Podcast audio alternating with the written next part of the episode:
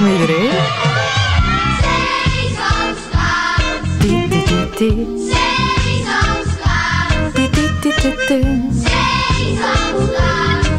Oh ja, geen zorgen hoor. Het is de wereld van Sophie waar u naar luistert.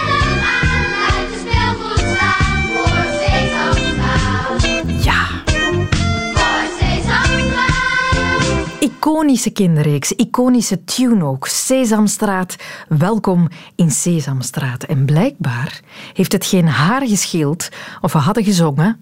Het video, klaslokaal, video, klaslokaal. Dat stond op de shortlist van namen voor dat programma, de Video Classroom. Samen met andere leuke ideetjes als 123 Avenue B en Fun Street. Pretstraat. Dat dat wat minder geweest. Hè? Maar er kwam dus één iemand aanzetten met Sesame Street. Sesam, Sesame van Sesam, open nu. Was een woordje, zei hij, dat link je toch met avontuur en spanning. En het is alleen maar die titel geworden omdat er dringend beslist moest worden. Ze hadden een deadline, de promo moest in gang schieten. En dat is moeilijk zonder naam. Dus kom aan mannen, we, we doen dat van dinges daar, van Sesamstraat. Dat is wat deadlines met je doen. Ze dwingen je om keuzes te maken, om aan het werk te gaan. Vooruit met de geit. Hoe nuttig zijn onze deadlines en wat brengen ze bij ons teweeg? Daarover gaat het deze keer. Welkom in de wereld van Sophie. Yay! Welkom in de wereld van Sophie. Da. De wereld van Sophie.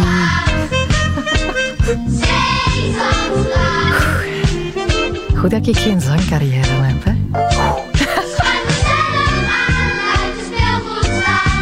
De wereld van Sophie.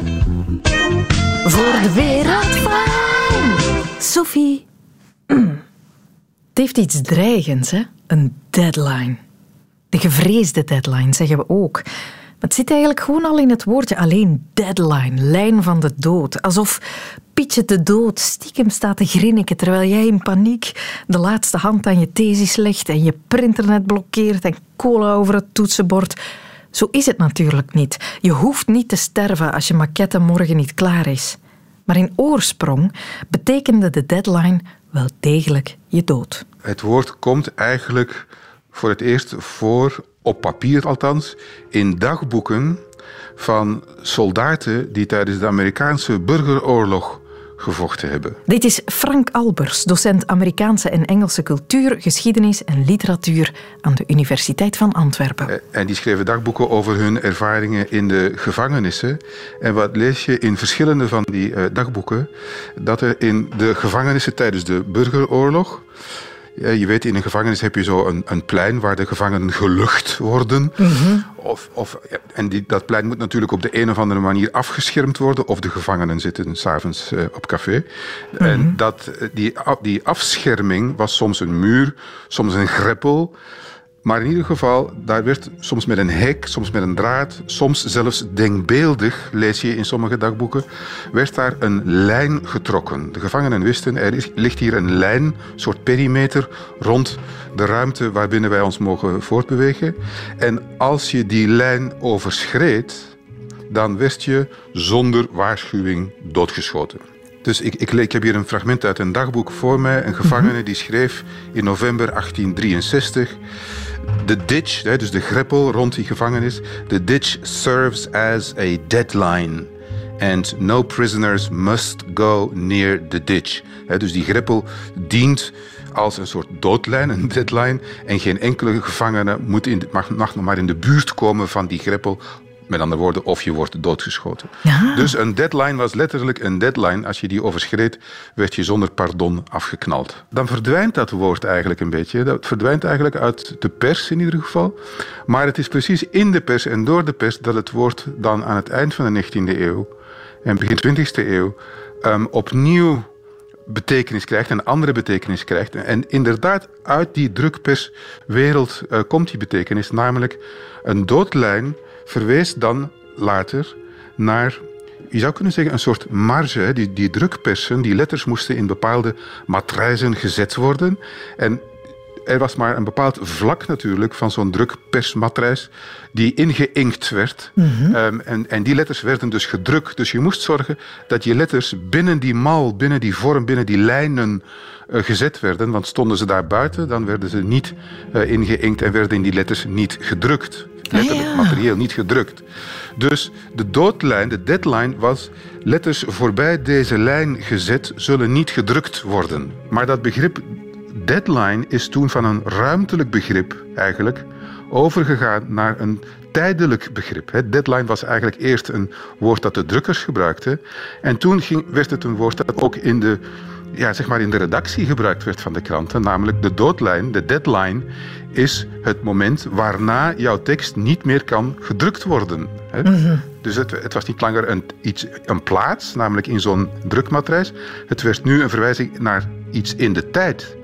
Na dit uur sluit de krant, sluit de drukkerij, een betekenis die het nog steeds heeft vandaag. Ja. Dus het, het eerst was het, hè, je moet op tijd, je moet links van de lijn drukken. En later werd het, de jaren 1920 eigenlijk, zie je dat het inderdaad de betekenis heeft die wij er vandaag nog steeds aan geven. Namelijk, na de deadline is je tekst te laat binnen, wordt die niet meer gedrukt ehm, en staat die dus niet meer in de krant morgen. Van het gevangeniswezen over de drukpers naar de persredactie, naar onze dagelijkse woordenschat. Het is nogal wiedes eigenlijk, hè, dat dat de journalistieke wereld is die dat woord breed gelanceerd heeft. Nergens zoveel deadline-druk als in de wereld van de journalistiek. En dus ook nergens zoveel deadline-flirters. Die types die net op het aller, aller, aller, allerlaatste moment hun stukken pas insturen. En op die manier toch wel wat collega's en allicht ook zichzelf grijs haar bezorgen. Hoe komt het dat sommige mensen zo hard tegen de deadline gaan werken, elke keer opnieuw? Brecht de Volderen vroeg het, een van die beruchte deadline-flirters. Journaliste, auteur, filosoof en artistiek onderzoeker aan het KASK in Gent, Anna Luiten. In deze school, dat is een, een heel mooie plek, kunnen kunstenaars, schrijvers, eh, schilders, eh, dansers, eh, theatermakers ehm, echt heel geconcentreerd komen werken. En er is ook eigenlijk niks buiten, want als je naar de winkel wil, dan moet je de bus nemen naar Lennik. En ehm, Moet jij eh, werk je tegen deadlines momenteel, Anna? Ja, ehm, maar verschillende soorten. In kleine stukjes. Dat heb ik geleerd. Ik ben echt... Ik weet denk ik alles van deadlines. En mensen die met mij gewerkt hebben, vrees ik ook. Ehm, maar daar lach ik eigenlijk niet mee. Want ik denk dat dat echt best wel voor sommige mensen heel heftig was. Ehm, maar de mensen die mij daarin geholpen hebben, die zal ik ook heel mijn leven, niet alleen voor het schrijven, maar ook voor mijn leven zelf heel dankbaar blijven. Omdat Maar, dat maar toch- wat was het probleem? Want ik ben niet helemaal... Wel, ik, heb nu te- ik ben nu eigenlijk onlangs, eh zei Bert Hermans, dat was mijn eerste eindredacteur bij KNAK. Die zei, ja, ik snap nu eh, wat dat, dat was. En ik dacht, eindelijk snapt iemand dat. maar die hebben er nog gesnapt. Hè. Maar Eh, wat? ja. Anna, help En dat is dat je zo opgaat in je onderwerp, Ja. dat de hele wereld, ook iemand die belt, die zegt van ja, het moet nu af. Maar ik denk, maar nee, ik ben er nu ben ik er supergoed mee bezig. En dat was zo erg soms, dat ik dacht, ah, dit is echt wel ongelooflijk schoon. Ehm, en dan moest bijvoorbeeld een stuk af om zeven uur s morgens of om acht uur s morgens. En dan neem ik nog de laatste trein naar Luik, omdat daar die persoon is die ik had, had geïnterviewd. En denk, ja, ik had toch nog dat stukje vragen voor misschien vijf regels. Dus dat is waanzin eigenlijk. Eigenlijk is dat een soort van roes waar dat in komt. Ehm, die roes van het, van het blijven zoeken en blijven willen weten en denken, ah, en dit aspect en misschien kan ik het ook nog zo. Want sommige mensen zeggen dan, ja, als je daar niet kan mee werken met deadlines, je moet gewoon op tijd beginnen. Maar het probleem is dat ik altijd op tijd begon. Ik denk, ik ken geen enkele deadline problematicus die lui is. Want die zijn er zoveel mee bezig. En iemand die lui is, die zegt, zal wel goed genoeg zijn. Dus die gaat op tijd alles klaar hebben. Maar nu, iemand die goed dat kan indelen, gaat ook alles op tijd klaar hebben. Maar ja, het is echt En dat is vooral bij schrijven, moet ik zeggen. Want schrijven is alleen. Hè. En ehm, ik had het veel minder toen ik radio maakte. Of uh, ik maak soms nog televisie. Want dan, of voor een publiek. Want dan zit er, dat publiek daar. Ja, dat kun je niet zeggen. Ik moet nog iets... Ik kan nog even iets extra bij doen. Dat, dat zit daar. En je bent niet alleen.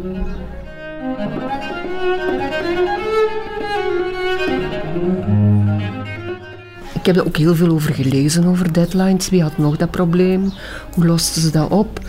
Rick van Kouwelaert heeft me ook eens een goede tip gegeven. Ehm, je moet niet alles terug gaan opzoeken. Ga aan je bureau zitten. En ik weet al dat je er genoeg over weet. Schrijf het gewoon op en binnen twee uur is het klaar. En dat was eigenlijk ook zo. Dat je eigenlijk al lang voor de deadline aan het werken bent. Maar vanaf het moment dat je dan gaat zitten en denkt: oh, hoe ga ik dat hier allemaal neerschrijven? Dan komt het gevaar. Dan, dan, moet, ja, dan moet je het eigenlijk gewoon doen. Want ik ga nu ook schrijven. Ik heb, ik heb een tijd niet meer durven schrijven hè, met die deadlines. Uh, tot uh, iemand mij zei van ja, maar eigenlijk. Uh, misschien heeft ook een deadline met extreme onzekerheid te maken. Wat ook zo is. Want het was vaak dat ik dacht, dat deed ik het binnen een stuk bij een weekblad, hè, bij Knak of zo. En dan ging ik toch dinsdags kijken of het wel gepubliceerd was. Terwijl ik daar gewoon werkte, hè, vast in dienst. Maar ik dacht, ah, ze gaan dat echt niet goed genoeg vinden. Uh, en dan was dat gewoon toch, dan was dat toch gedrukt. Dus dat heeft ook te maken met een soort van onzekerheid waar je dan te lang bij stil blijft staan of zo. Of perfectionisme. Ja, dat is het denk ik vooral. Julian Schoenaert die zei ooit, de oude acteur, de vader van Matthias. Ik dacht, ah, eindelijk heb ik een perfectionist ontdekt. Ik maakte mij hem een soort oude meester. Dat was een canvas documentaire. En ehm, elke ochtend zat hij te schrijven nog en te tekenen. En al die teksten uit zijn hoofd. Wat voor dingen dat hij ook aan zijn hoofd had. En, ehm, en ik vroeg... Ehm, meneer Schoenaerts, bent u een perfectionist? En ik dacht, ah, nu ga ik het te weten komen. Eindelijk een, een bloedbroeder. En hij zei, Anna, perfectionisme is hoogmoed. Correctionisme. Iedere dag kleine foutjes rechtzetten, maar ook maken is veel mooier. En ik ben die mens zo dankbaar daarvoor. Dus ik ben wel dankzij hem ehm, in vele opzichten een correctionist geworden. In, de goeie, in die betekenis van het woord. En dan is een deadline al naar gelang wie ook op die tekst wacht, want dat doe ook veel. Ehm, ja, je hebt van die eindredacteurs die s'nachts dan bellen, want dat is dag en nacht werken daaraan. Hè? Dat is heel, heel erg ik stopte dan ook niet. En, uh, en ik had twee kleine kinderen, maar dan wist ik, ja, daarom is nog altijd mijn ritme van 5 uur 30 tot 8. Want om 8 uur moesten die naar school, boterhammen klaar. Maar dan had ik zo'n periode dat ik kon zeggen van, ja, nu heb ik echt geen enkel excuus. En dat werkt ook wel. -hmm. En dan moest jij nog de laatste lijn voor dat stuk, of nee? Wanneer was dan de deadline? Dan was die deadline om tien uur of zo. Ah ja, dan had je nog anderhalf uur om, om het echt wel af te werken. Ja, ja. ja. dat is zoals... Uh, je gaat in zo in iets op... Mm dat dat ook in, in, in je... Ja, schrijven is niet iets van wat dat in je zit naar buiten brengen, maar dat is eerst ook opgaan in iets. En je hebt honderden manieren om een verhaal te vertellen. En dat zit dus, de dus je zit heel de tijd te weven en spinnenwebben te maken en haakpatronen bij wijze van, van spreken uit te denken over hoe kan ik dat schrijven. En dan denkt ah, en dat kleurtje erbij. Pas op, ik heb dat ook met koken. Hè. Dan denk ik, ah, dit, dit. En dan kan ik dit er nog bij doen, nog een beetje dragon. Ah, maar dit zou er nu lekker zijn. En dan ga ik, alhoewel dat misschien dan iedereen al aan tafel zou moeten zitten, toch nog uh, naar de winkel om mosterd te kopen. Oei, dat is echt nog lang. Ja, ja, dat is nog minimum een kwartier, twintig minuten. Ja, ja. dus dat is zo in iets opgaan. Maar dat is ook een heel groot plezier. Dat is een beetje zoals Alice in Wonderland. Hè. Je kruipt in die konijnenpijp. En daar komt de, dat is wanneer dat je echt in de flow zit van je werk. Hm. Daar kom je van alles tegen. Dat is ook het plezier van het schrijven. Maar dan zou je beter in plaats van... Dat heb ik, dat heb ik nu mij voorgenomen. In plaats van het woord deadline, denk ik in... Dan moet het ding er zijn. Dan moet het geboren worden. Dan krijgt het even licht. En dan komt iemand te halen en dan wordt dat gedrukt of, of Mhm, iets. Maar een deadline, dat is, de, dat is een soort stress die het eigenlijk niet is. De- de- het is niet het gevaar van... ehm, oei, dan eh wordt doodgeschoten. Hè. Maar Het woord deadline, dat komt van wat dat ze vroeger rond de gevangenissen hadden. Je mocht niet buiten die perimeter of je ging eraan. Ehm, het is eigenlijk eerder... Ja, dan krijgt het, het, het licht, het levenslicht, bij wijze van spreken. Mhm. En als het dan niet klaar is, en dan gaat dat licht uit, dan is het nooit geboren. Of nooit, dan heeft nooit bestaan. Of dan was het ook maar dat. Misschien moet het niet altijd een meesterwerk zijn. Dus dat je wilt toch iets laten bestaan. Ook, eh, zeker als je er zo hard aan hebt gewerkt. En heel belangrijk vond ik altijd wel... ehm, daardoor heb ik ook vele deadlines niet gehaald, maar dat vond ik toch een heel belangrijke. Ik zei altijd aan de mensen van... eh, je mag het nalezen voor het verschijnt. En ja, dat waren soms pietepeuterige dingen, maar ik vond dat belangrijk dat zelfs... Soms bellen mensen ook net voor de deadline. Ah, ik wil nog iets zeggen. en dat vind ik dat ik dat dan moet respecteren. Ehm, ja.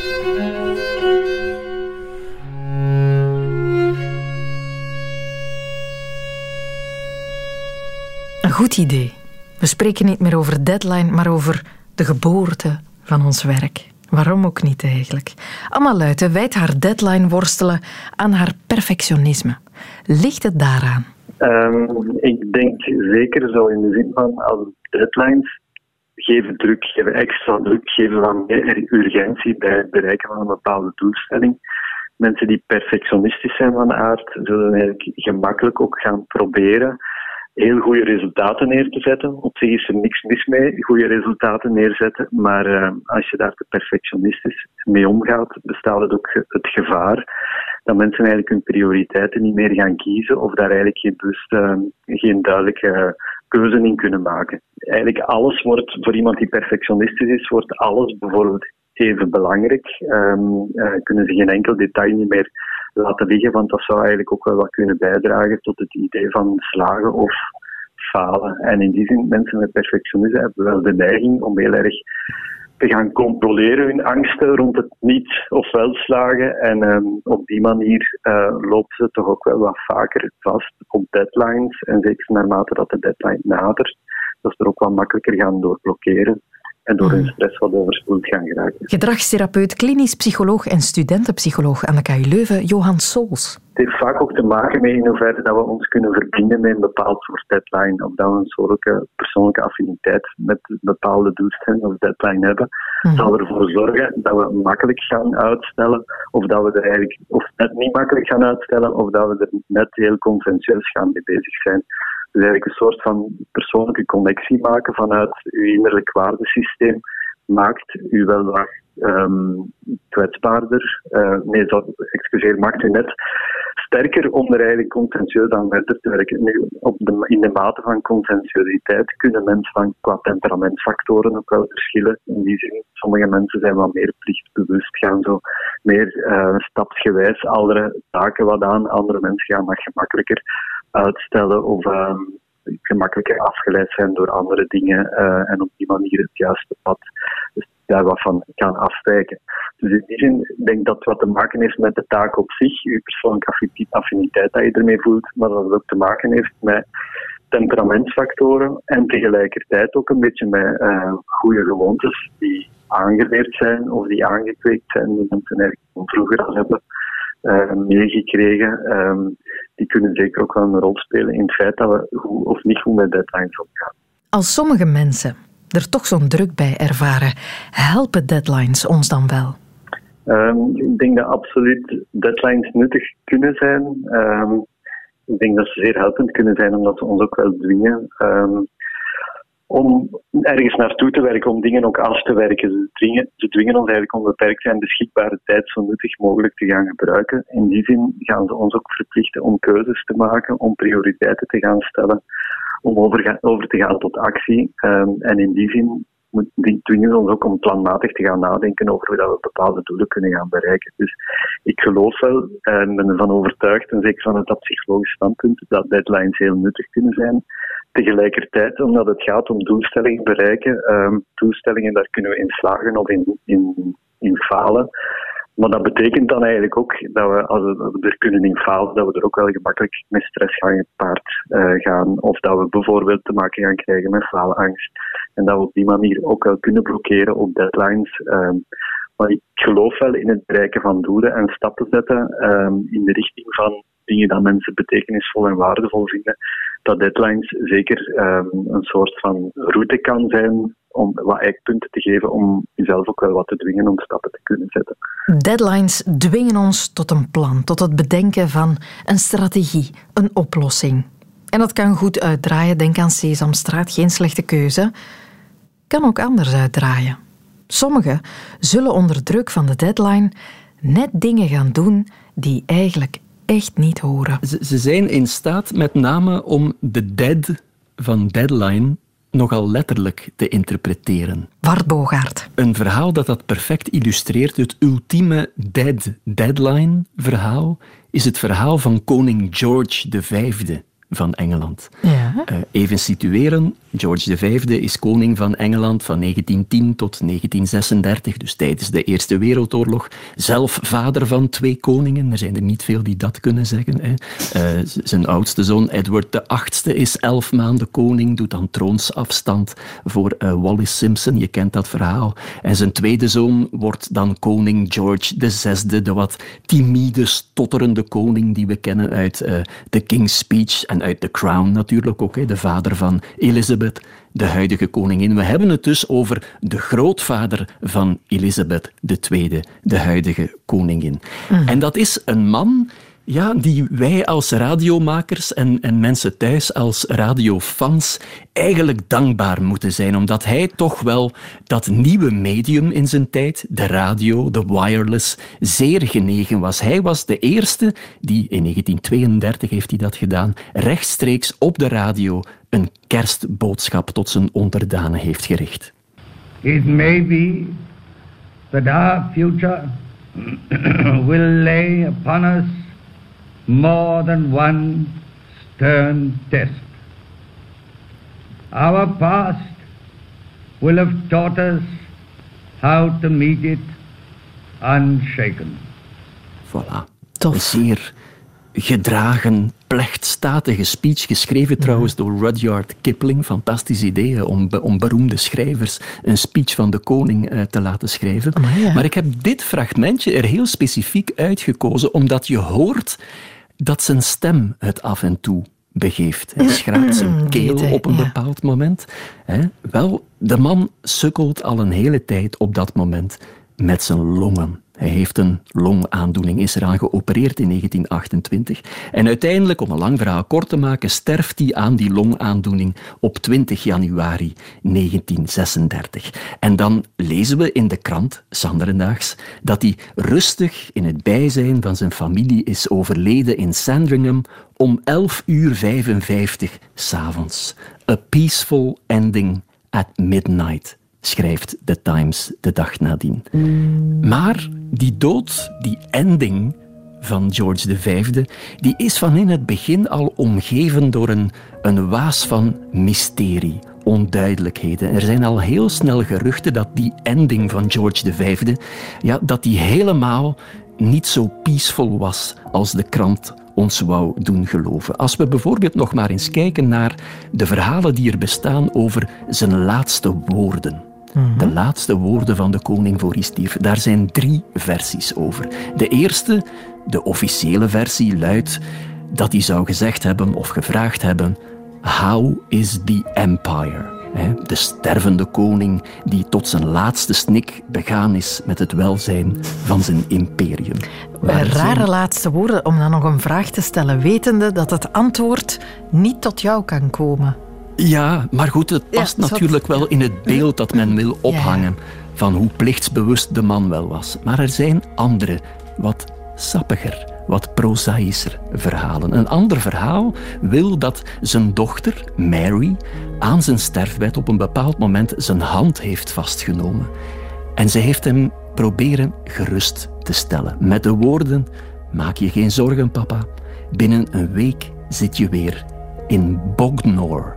Nu, Bognor, dat is een plaatsje in Sussex waar de koning een buitenverblijfje had, waar hij heel graag naartoe ging, waar hij genoot van de weldadige lucht. En de reactie van de stervende koning op dat moment zou geweest zijn: Oh, bugger, Bognor. Waarna hij zijn, zijn koninklijke hoofd opzij legde en slaap viel om nooit meer wakker te worden. Oh, bugger. Oh, bagger Bognor. Rot toch op met je Bognor. Ik zou dat fantastisch vinden als dat klopt. Maar het klopt waarschijnlijk niet. Eh, de woorden zijn wel degelijk uit zijn mond gekomen, maar dat zou gebeurd zijn toen een bediende van hem hem vroeg om een koninklijk besluit te tekenen. Dat lag al een tijdje te wachten, dat koninklijk besluit, waarbij de naam van Bognor werd veranderd in Bognor Regis van de koning. En dat, uh, hij had hem dat al een paar keer gevraagd en zijn, zijn geïrriteerde reactie zou dan geweest zijn: Oh, bugger, Bognor.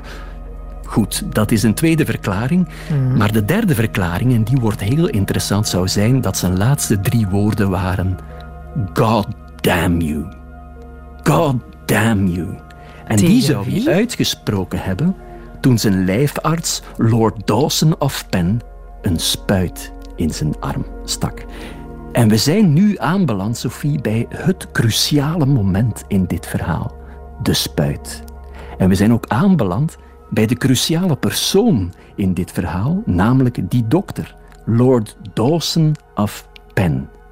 Bertrand met de voornaam Bertrand Dawson of Penn. Die Bertrand Dawson die geeft een paar maanden na de dood van George een hoorzitting, een speech in het parlement over euthanasie. Er ligt in 1936, je moet je dat voorstellen, een wetsvoorstel ter tafel om euthanasie te gaan legaliseren. Die Dawson die verzet zich daartegen. Uh, hij verzet zich tegen de legalisering van euthanasie. En hij gebruikt daarbij een veelbetekenend zinnetje. Hij zegt, kijk, euthanasie dat is een zaak van de wijsheid en het geweten van de arts en niet van het wetboek. Dat zorgt voor een klein schandaaltje natuurlijk, hè, omdat hij daarmee dus aangeeft dat hij de praktijk zelf, euthanasie, niet veroordeelt. En dat is een schandaal in die tijd. En er ontstaat een soort rijmpje dat in cafés uh, vaak wordt opgezegd. Een rijmpje over die Lord Dawson. Mm -hmm. En dat rijmpje luidt: Lord Dawson of Penn has killed many men. That is why we sing God Save the King. Willen ze zeggen, iemand die voorstander is van euthanasie, moeten we die wel in de buurt van de koning laten. Mhm. De mensen die dat rijmpje opzegden, ja, die wisten op dat moment nog helemaal niet dat hun vrees gegrond was. Want in 1986, 50 jaar na de dood van George, is er een Francis Watson, dat is de biograaf van die Lord Dawson, die geeft de notities van Dawson uit de periode 1936 vrij. En wat daarin staat, dat slaat de Britse publieke opinie met verstomming. The Guardian schrijft zelfs dat koning George V helemaal niet peaceful aan zijn einde is gekomen, maar dat hij vermoord is door Dawson. Wat is het verhaal? Dawson schrijft in zijn notities uit 1936 dat hij die avond, 20 januari, rond 11 uur s'avonds een gesprek heeft gehad met de koningin, Queen Mary, en met Edward, de oudste zoon, op dat moment nog Prince of Wales, de troonopvolger. En hij schrijft in die notities dat Mary en Edward hem expliciet gevraagd hebben om het leven van de koning niet nodeloos te gaan rekken. En Dawson die moet dat nogal voortvarend geïnterpreteerd hebben, want heel kort, eigenlijk meteen na dat gesprek, geeft hij de koning een spuit met een mengsel van morfine en cocaïne. Het is dus op dat moment dat George die woorden God damn you heeft uitgesproken. Die heeft dat in de gaten, wat er aan het gebeuren is. Inderdaad, omdat hij heel goed aanvoelt waar Dawson mee bezig was, namelijk euthanasie aan het uitvoeren. Maar Dawson die voegt er nog iets anders aan toe. in die notities. Hij schrijft dat de dood van de koning nog die avond nog een ander doel diende. Namelijk, en nu citeer ik even in uh, hopelijk niet te schabouwelijk Engels: The importance of the death receiving its first announcement in the morning papers rather than the less appropriate field of the evening papers. Vrij vertaald, de koning moest op tijd sterven om de ochtendkranten nog te halen. Maar alleen. En er is maar één krant, als hij dat schrijft, die hij in gedachten heeft, namelijk The Times. Dat is een krant die op dat moment een zeer geprivilegeerde relatie heeft met het Hof. George V zelf, die had een rechtstreekse telefoonlijn met de redactie. Hij stuurde zijn toespraken altijd netjes op voorhand naar de redactie van The Times. Er is dus een band. Maar The Times verschijnt in die tijd, en nu nog altijd, ochtends. En dus ligt hun deadline om middernacht de avond ervoor. Terwijl de andere kranten, de Daily Mail, de Telegraph, noem ze maar op, die dus door het Hof als less appropriate, lees rioolgazetten, worden mhm. beschouwd, die verschijnen pas in de namiddag en die hebben een veel latere deadline. Dus je voelt me komen, stel nu dat George een uur later zijn laatste koninklijke adem had uitgeblazen, ja, dan lag de Times van Sanderendaags al lang op de drukpers en dan zou de primeur van zijn dood voor de minderwaardige rioolgazetten geweest zijn. En daarom dus heeft Lord Dawson meteen na het gesprek met Mary en Edward die spuit gezet. Om zeker op tijd te zijn voor de Times. En meer nog, dat staat ook in die notities, meteen nadat hij die spuit heeft gezet, heeft hij aan zijn vrouw gevraagd om contact op te nemen met de Times met de dringende vraag om hun voorpagina vrij te houden voor groot nieuws dat er zat aan te komen. Maar alleen.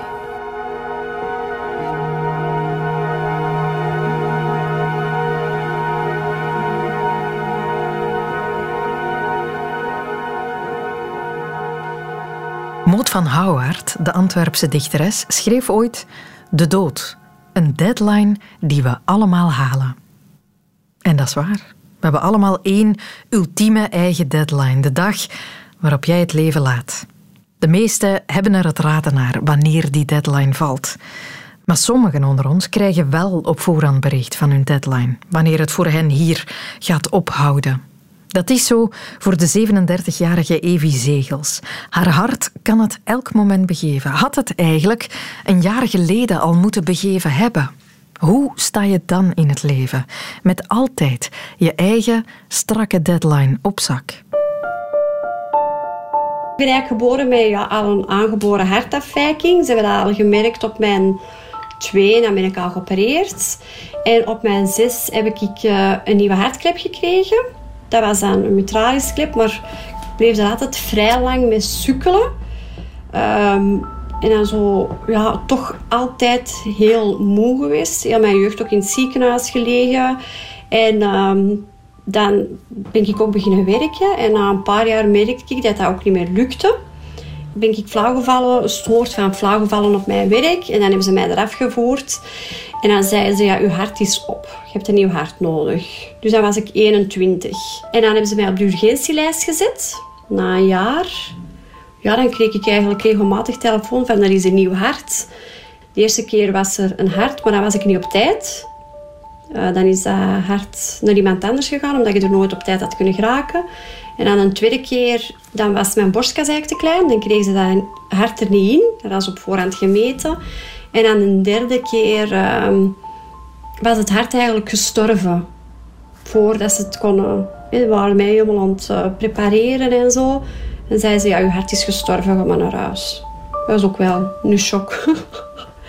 en dan de vierde keer eigenlijk was dan de goede keer.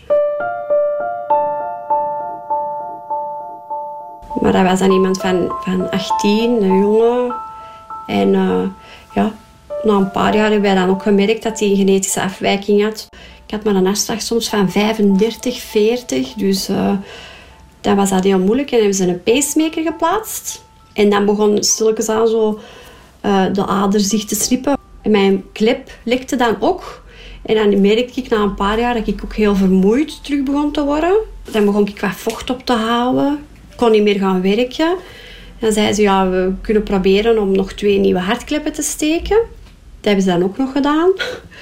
Maar dan na zes maanden merkten we dat er geen verbetering kwam, dat het eigenlijk alleen maar slechter werd. Dan zei ze van, ja, wij kunnen wij niks, niks meer doen voor u. Uh, of een nieuw hart, maar we gaan op voorhand zeggen dat er heel weinig slaagkans is.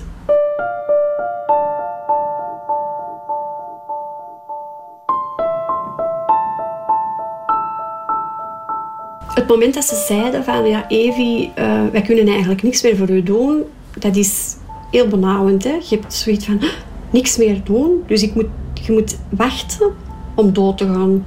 Dat is verschrikkelijk. Hè? Want elke keer dat je iets voelt, denk je van is het dit nu? Ga ik dan nu dood? Of ja, ik, ik had gewoon zoiets van ik kan hier niks meer meemaken. Hè? Zo van ah, oei. Mijn dochter eh, studeert, over een maand gebeurt er dat. Ik kan dat niet meemaken. Dus dat was eigenlijk constant uh, datums ook zo van... Ja, nee, nee, dat ga ik niet meer meemaken. Ja, ik ga dan al dood zijn. Of uh, constant die deadline dan. Van ja, je gaat, je gaat dood of kan dat niet meer meemaken. Dat zorgt ervoor dat je eigenlijk heel down wordt. Ik ben helemaal niet zo. Ik heb veel geschreeuwd en veel, heel diep gezeten. Dus ik had zoiets van, ik ga gewoon een datum pakken. De 23 november ga ik dood, ik ga euthanasie doen. Alleen de dokter heeft het dan ook wel zo laten overgaan, tijd laten overgaan. Nee, je moet nog eerst met de psychiater gaan praten, hè, daar nog drie gesprekken mee doen. Oké, maar ik wil dat echt wel. Ik wil die papieren hebben voor als er iets gebeurt. Of, uh... En nu heb ik dat zelf in handen.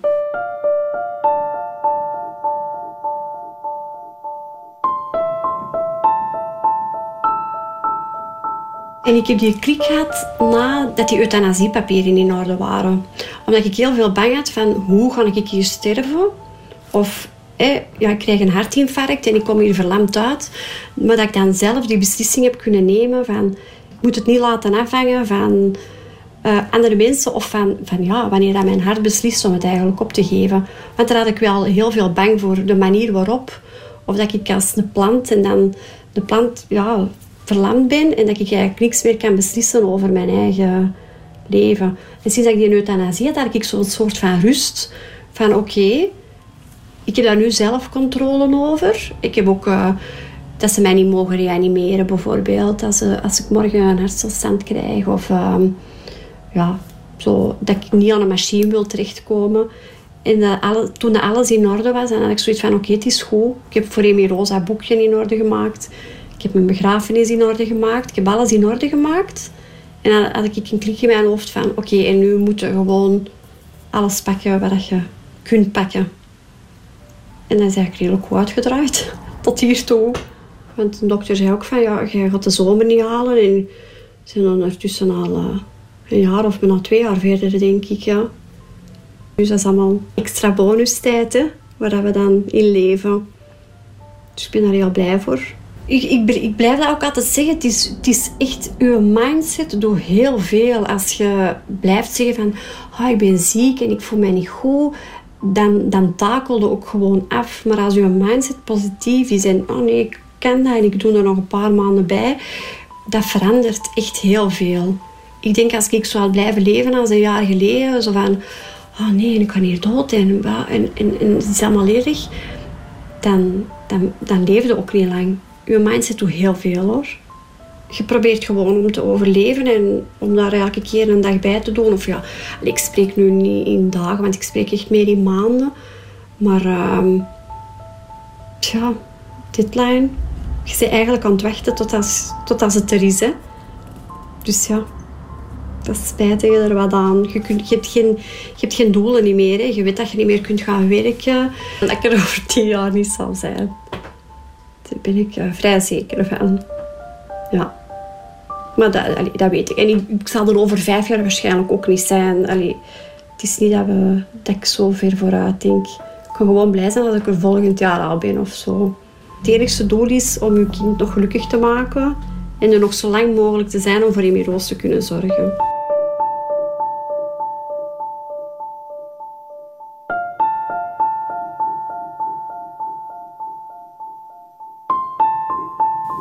Evie heeft haar eigen deadline overschreden.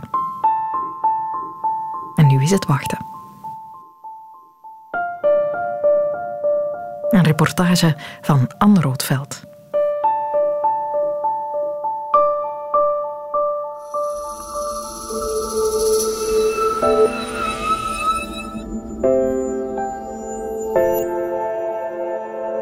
Was de wereld van Sophie over deadlines. Ik hoop dat je hem tof vond. Ik hoop dat je ook nog eens luistert naar deze podcast. Dat kan. Uh, elke vrijdag is er een nieuwe. Je kan je abonneren, krijg je automatisch de hele zwik toegestuurd elke week. Je kan ons ook elke weekdag horen op Radio 1. Dat is tussen 10 uur en 12 uur. Heel graag. Tot gauw. Dit was een podcast van Radio 1. Ontdek nog meer podcasts van Radio 1 in onze app en op radio1.be. Radio 1. Altijd benieuwd.